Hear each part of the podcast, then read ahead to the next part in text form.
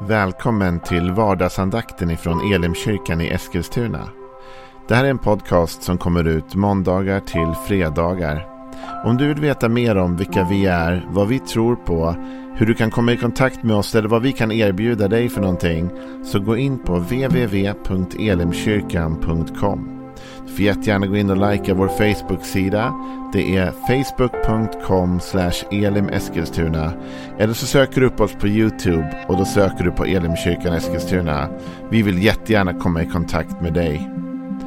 Men nu lyssnar vi till dagens andakt. Välkommen till vardagsandakten. Vi är inne i en serie ur psalm 97. En lång psalm med ett till synes dystert tema kan man tycka. Avundsjukan. Och det är klart, det kanske inte är den mest uppmuntrande serien vi har haft här på vardagsandakten. Men det är en av de där serierna som jag tror kan hjälpa oss mycket. För den talar ju om någonting som är relevant. Något som jag tror att alla människor har känt. Avundsjuka. Det tror jag vi alla har någon gång vid något tillfälle i livet. Brottats med eller upplevt i större eller mindre grad. Nu kommer vi fram till några verser i den här salmen som är ganska allvarsamma faktiskt. Men det finns positiva saker i dem också. Så var inte allt för nedstämd. Utan mycket i detta är positivt. Men det finns en ytterligare varning från David om det farliga, det allvarliga med avundsjukan. Vi läser vers 32 33. Den gudlöse spejar på den rättfärdige och söker tillfälle att döda honom. Men Herren utlämnar honom inte i hans hand och låter honom inte bli fälld i rätten. Ja, Innan vi går in några tankar på det kanske mer dystra då, om den gudlöse som spejar på den rättfärdige för att ta livet av honom. Så kan vi väl börja med det positiva först. Att Bibeln talar här om att, att Gud beskyddar och bevarar den rättfärdige. Den som har valt att ge sitt liv till honom, den som har valt att ta emot Jesus i sitt hjärta. Finner också i Herren ett beskydd faktiskt. Ett beskydd som jag tror vi många gånger inte ens är medvetna om allt som Herren skyddar oss för. Det där har vi gått igenom i detalj när vi gick igenom psalm 91. För den talar ju om att den som sitter i den högstes beskydd och vilar under den allsmäktiges skugga. Han säger till Herren, min tillflykt och min borg, min Gud som jag litar på. Och så fortsätter den psalmen med att han ska rädda dig från jägarens snara och pesten och så vidare. Det finns tankar om att Gud beskyddar, Gud bevarar. Faktum är att när Jesus håller på att ska dö så ber han, eller innan det, så ber han för sina lärjungar och tackar då Gud för att också det han hade som uppgift, att ingen av dem som var runt honom skulle gå förlorad. Alltså Jesus bevarade, beskyddade folket runt omkring sig.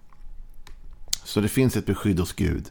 Så vila i det idag. Kanske någon behöver höra det och ta det till sig. Vet du om att Gud bevarar dig? Fly till honom som i psalm 91. Säg om honom att han är din beskyddare, din borg, din hjälp i nöden. Men om vi nu skulle gå tillbaka till den här första versen som är lite värre då. Den gudlöse spejar på den rättfärdige och söker tillfälle att döda honom. För det första, varför skulle den gudlöse speja på den rättfärdige? Och vad är det hos den rättfärdige som månne gör den gudlöse avundsjuk?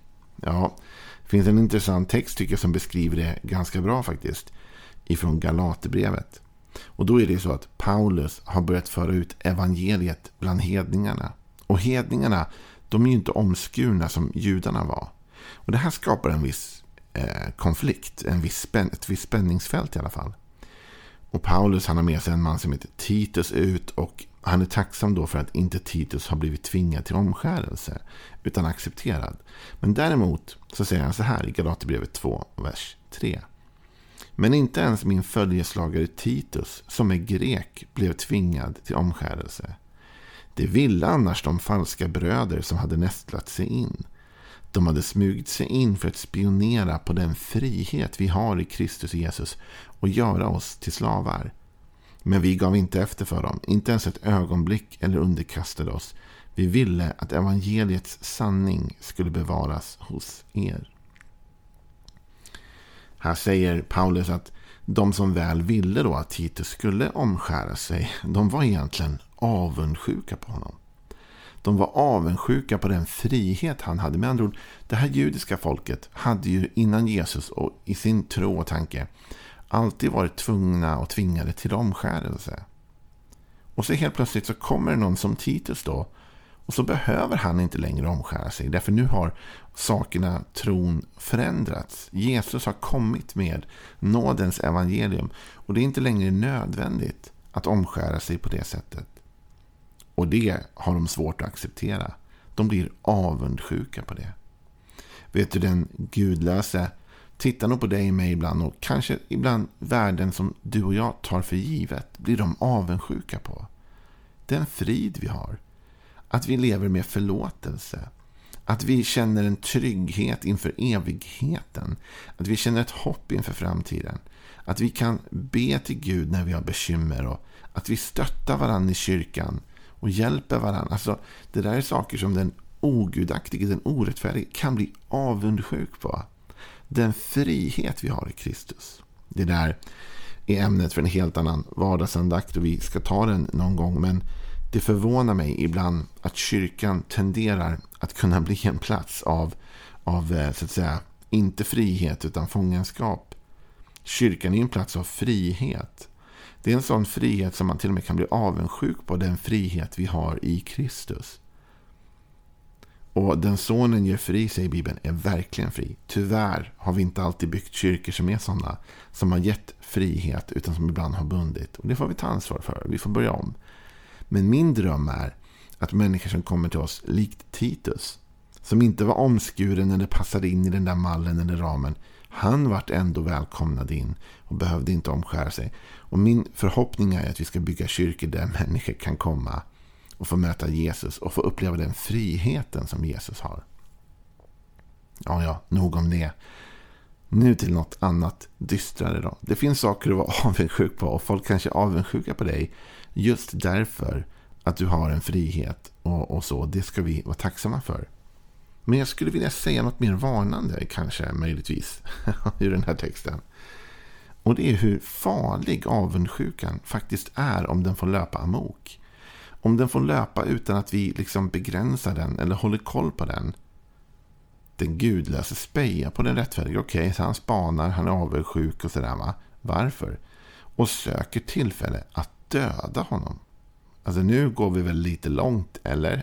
alltså, är det så illa då att den här personen blir så avundsjuk på den här friheten att han vill döda den här personen? Det låter ju helt absurt. Men när man läser Bibeln vidare så ser man att, att just avundsjuka är ett farligt gift. Alltså. Det är någonting som tar över oss. Och om det får växa i oss, en avundsjuka mot andra, så växer det till och kan bli till liksom det ena och det andra. Och nu säger jag såklart inte att om du sitter och lyssnar på det här så är du, och, och du är avundsjuk på någon, då är du en mördare. Det är inte det jag säger. Då har du övertolkat den här bibelutläggningen.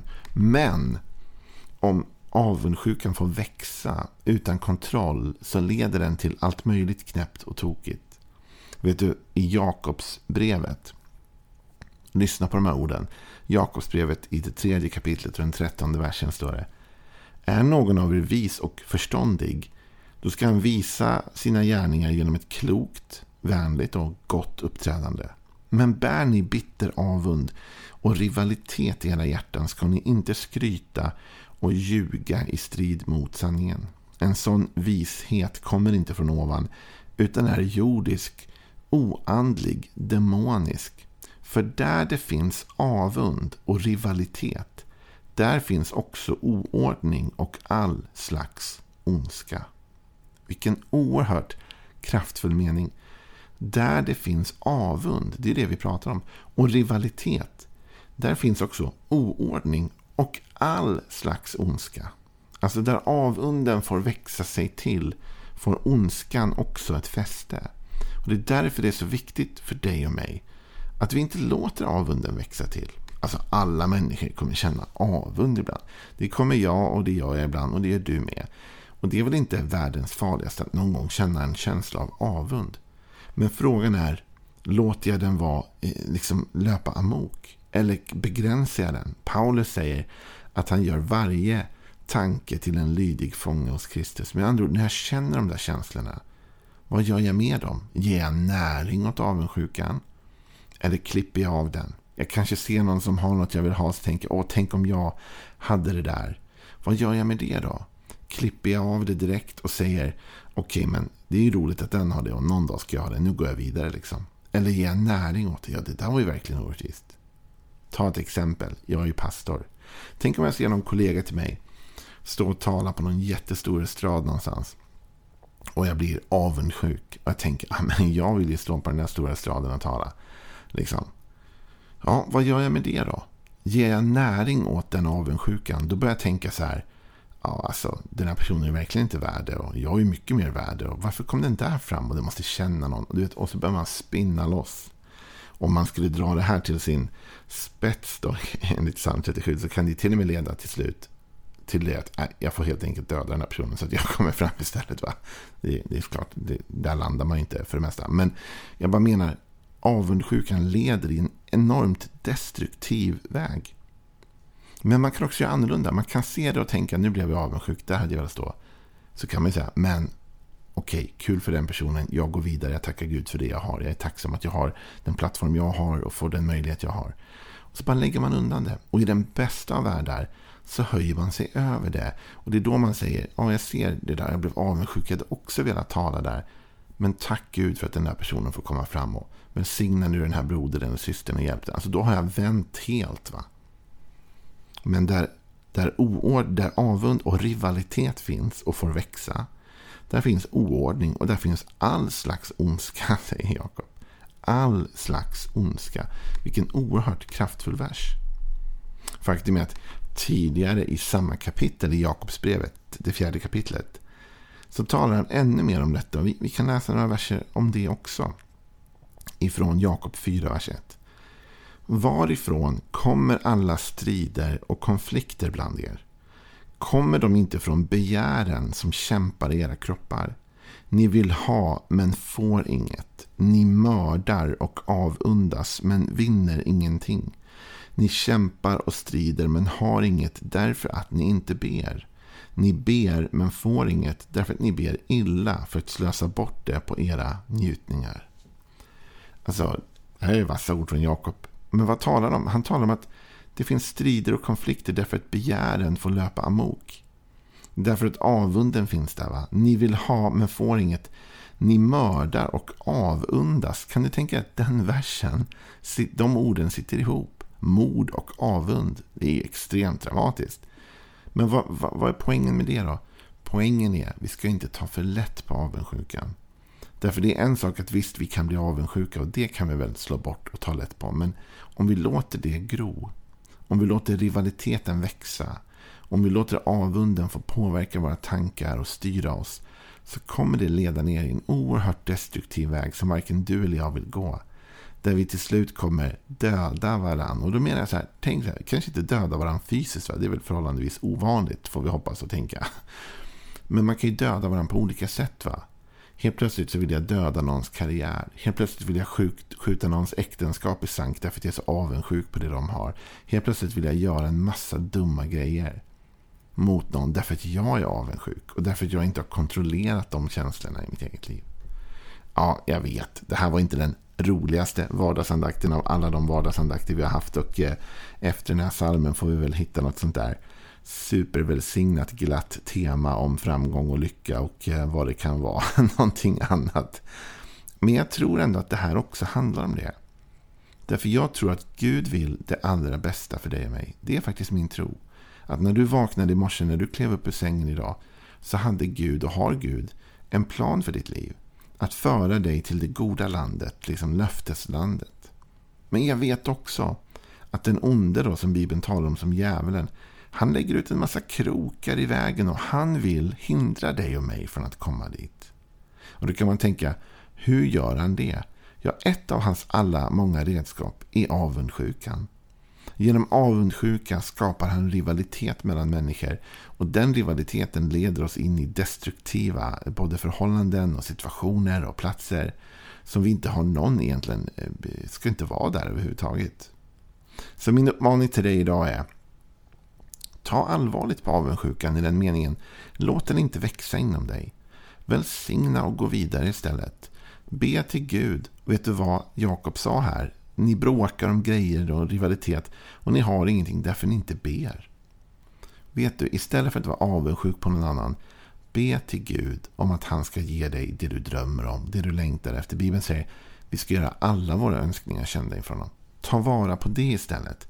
Det kommer leda dig på en god väg istället för avundsjukan. Nu imorgon fortsätter vi med mer psalm 37. Vi närmar oss ju sakta men säkert slutet av den här psalmen. Men än har vi lite kvar. Ha en bra dag. Hej då.